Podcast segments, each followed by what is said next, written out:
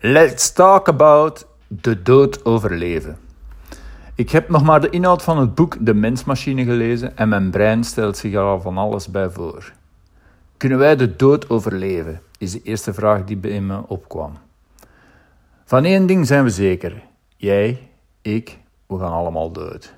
Wel, transhumanisten zien het anders. Volgens hen, als je 2030 haalt, word je onder 60 jaar. Wat zijn transhumanisten? Wel, volgens Wikipedia, en ik citeer, een filosofie waarbij de nadruk ligt op een wetenschappelijke studie van de evolutie van de mensheid, met een open houding tegenover technische vooruitgang en met een vast geloof in verheven toekomst van de mensheid. Een hele boterham. Dus volgens de transhumanisten kunnen we en moeten we de ouderdom als doodsoorzaak uitstellen. Met andere woorden, technologie gebruiken om een lichaam en geest te upgraden. Ze gaan zelfs nog een stukje verder. Volgens hen moeten we ons fuseren met machines, zodat we ons kunnen scheppen zoals ons eigen idealen. En nu lach ik dan mee, maar nu bedenk ik me juist. Ik heb eigenlijk uh, vijf jaar aan een dialysemachine gehangen, dus dat was ook fuseren met een machine. Hè. Maar wat ik eigenlijk ook dacht, ah, dat is een hobby voor kapitalisten en filantropen. Damn, ik heb al films gezien op Netflix waar die mensrobotten het van ons overnemen en dat is echt wel scary. Alles wat 20 jaar geleden science fiction was, bestaat er toch al. Wat als techniek en mens samensmelten? Ik heb het gevoel dat mijn iPhone al een deel van mij is geworden. Moet daar eerlijk in zijn. Anderzijds dacht ik meer vanuit een boeddhistische hoek. We verzetten ons tegen gratis geschenk, het menselijk bestaan zoals we het kregen.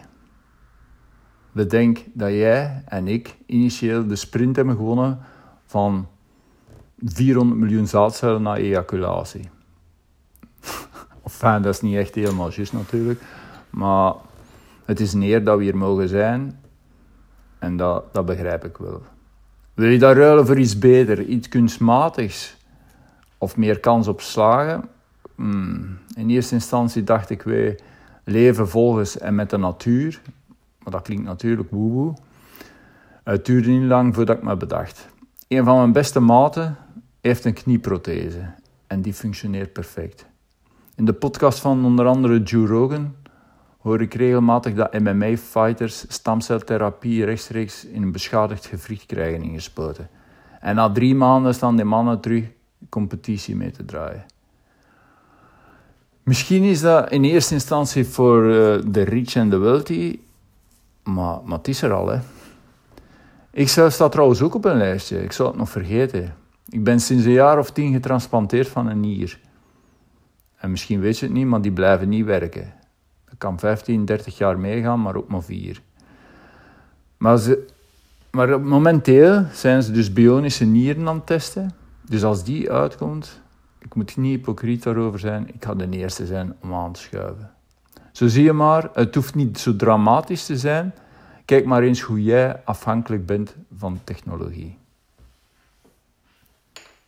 Engloes.